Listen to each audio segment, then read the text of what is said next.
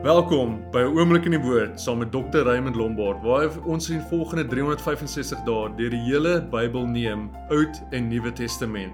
Gaan vandag na raymondlombard.com, kry jou Bybel leesprogram en volg saam deur 'n oomblik in die woord. Geniet dit. Genesis hoofstuk 11 En die hele aarde het dieselfde taal gehad en een en dieselfde woorde. En toe hulle wegtrek na die ooste, vind hulle 'n laagte in die land Sinaïr en daar het hulle gaan woon. Daarop sê hulle vir mekaar: Kom laat ons stene vorm en dit goed brand.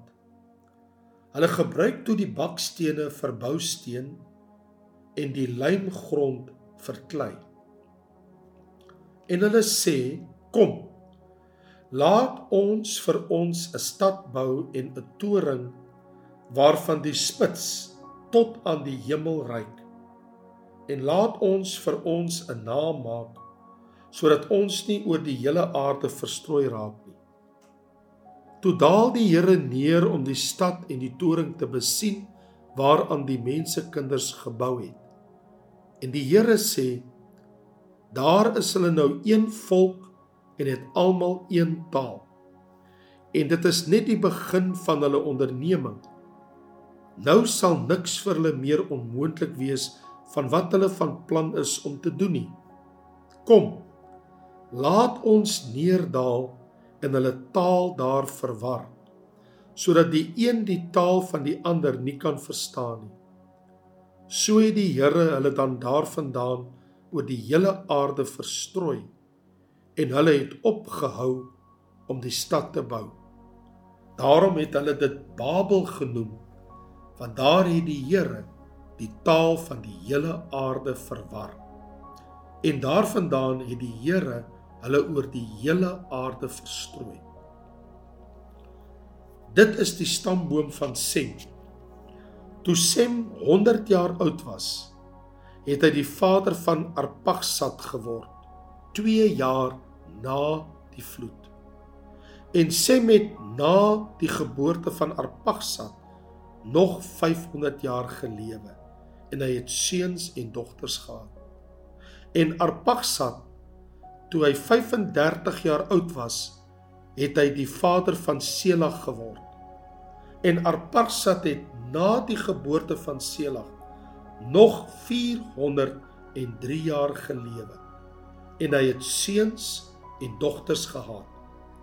Toe Selag 30 jaar oud was, het hy die vader van Heber geword. En Selag het na die geboorte van Heber nog 403 jaar gelewe en hy het seuns en dogters gehad. Toe Heber 34 jaar oud was, het hy die vader van Peleg geword. En Heber het na die geboorte van Peleg nog 430 jaar gelewe en hy het seuns en dogters gehad. En toe Peleg 30 jaar oud was, het hy die vader van Rehu geword. En Peleg het na die geboorte van Rehu nog 209 jaar gelewe en hy het seuns en dogters gehad. Toe Rehu 32 jaar oud was, het hy die vader van Serug geword. En Rehu het na die geboorte van Serug nog 207 jaar gelewe en hy het seuns en dogters gehad. Toe Serug 30 jaar oud was, het hy die vader van Nahor geword. En Serug het na die geboorte van Nahor 200 jaar gelewe en hy het seuns en dogters gehad. Toe Nahor 29 jaar oud was, het hy die vader van Tera geword. En Nahor het na die geboorte van Tera nog 119 jaar gelewe en hy het seuns en dogters gehad. Toe Tera 70 jaar oud was, het hy die vader geword van Abram, Nahor en Haran. En dit is die stamboom van Tera. Tera het die vader geword van Abraham, Nahor en Haran en Haran van Lot. En Haran het gesterwe terwyl sy vader Tera nog geleef het in sy geboorteland in Ur van die Galdeërs.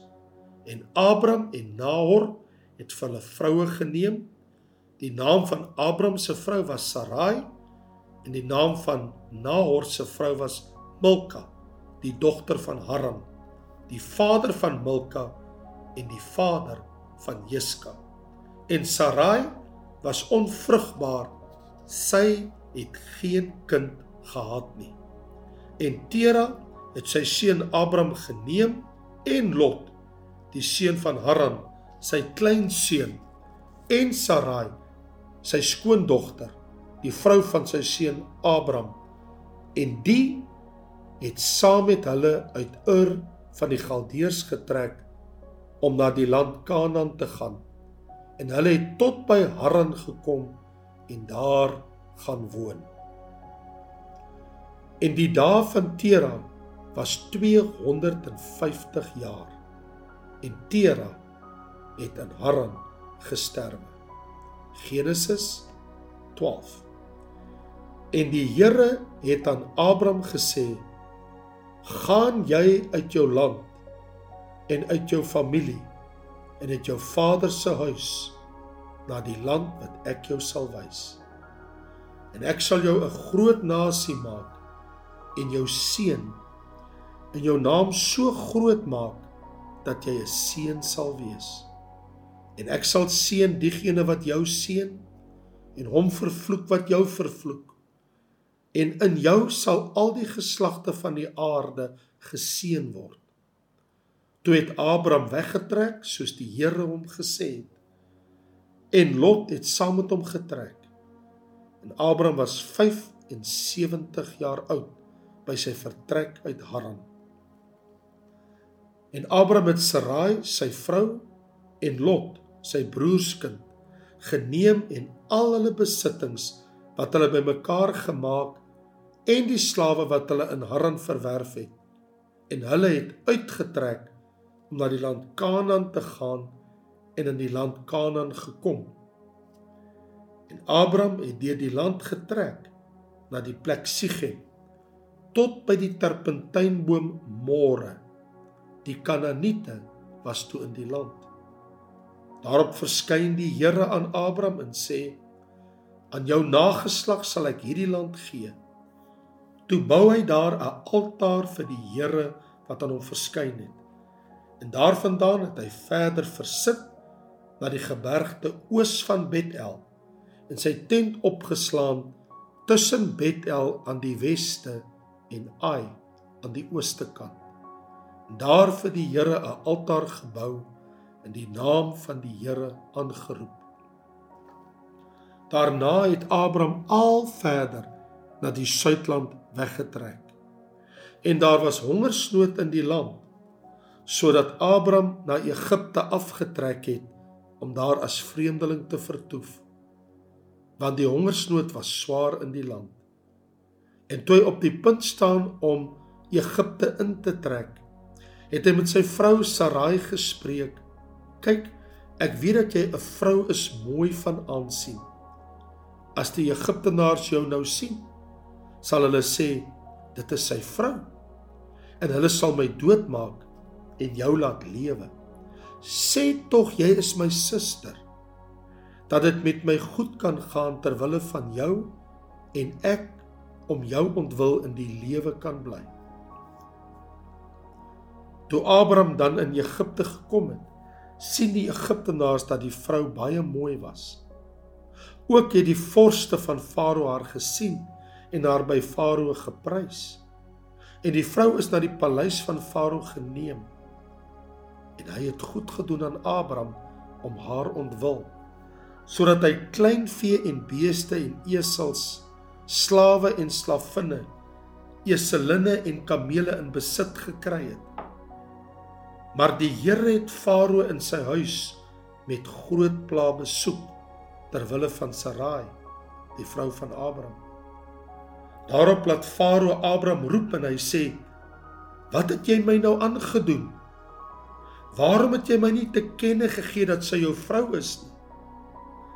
Waarom het jy gesê sy is my suster sodat ek haar vir my as vrou geneem het? Daar is jou vrou dan nou.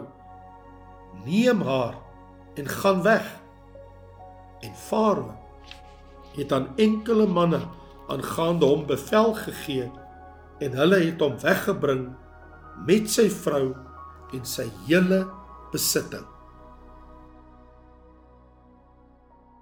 Dankie dat jy by ons ingeskakel het. Ons vertrou dat die woord vir jou tot seën was. Skakel gerus môre in waar ons verder lees in die woord.